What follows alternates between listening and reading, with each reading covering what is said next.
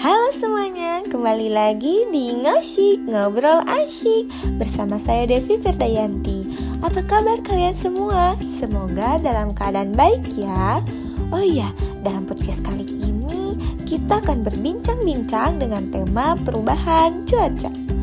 Hmm, akhir-akhir ini memang cuaca selalu menunjukkan bahwa sedang terjadi musim hujan saat musim hujan, kita harus selalu waspada ketika akan melakukan aktivitas atau perjalanan.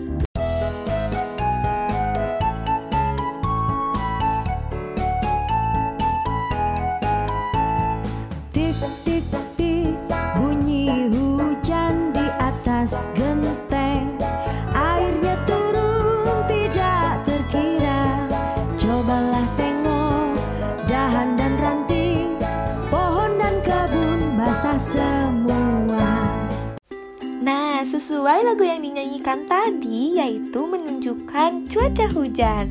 Cuaca hujan adalah ketika tetesan-tetesan air jatuh ke bumi. Udara terasa dingin dan sinar matahari tertutup awan tebal. Kemudian, apakah kalian tahu bagaimana proses terjadinya hujan?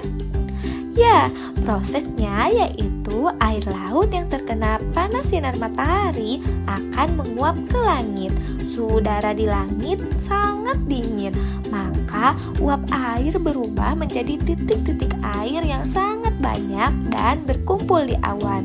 Karena pengaruh angin, awan bergerak dari daerah bertekanan tinggi menuju daerah bertekanan rendah. Saat awan tidak mampu menampung beratnya butiran air, maka hujan. Selanjutnya, air hujan mengairi sungai-sungai dan akhirnya kembali ke laut. Air hujan yang jatuh di bumi akan menguap lagi, kemudian mengalami proses terbentuknya hujan lagi. Nah, itulah proses terjadinya hujan. Saat musim hujan, kita harus selalu tetap waspada ya, agar hal-hal yang tidak diinginkan tidak terjadi. Sekian podcast kali ini. Semoga bermanfaat untuk kalian semua.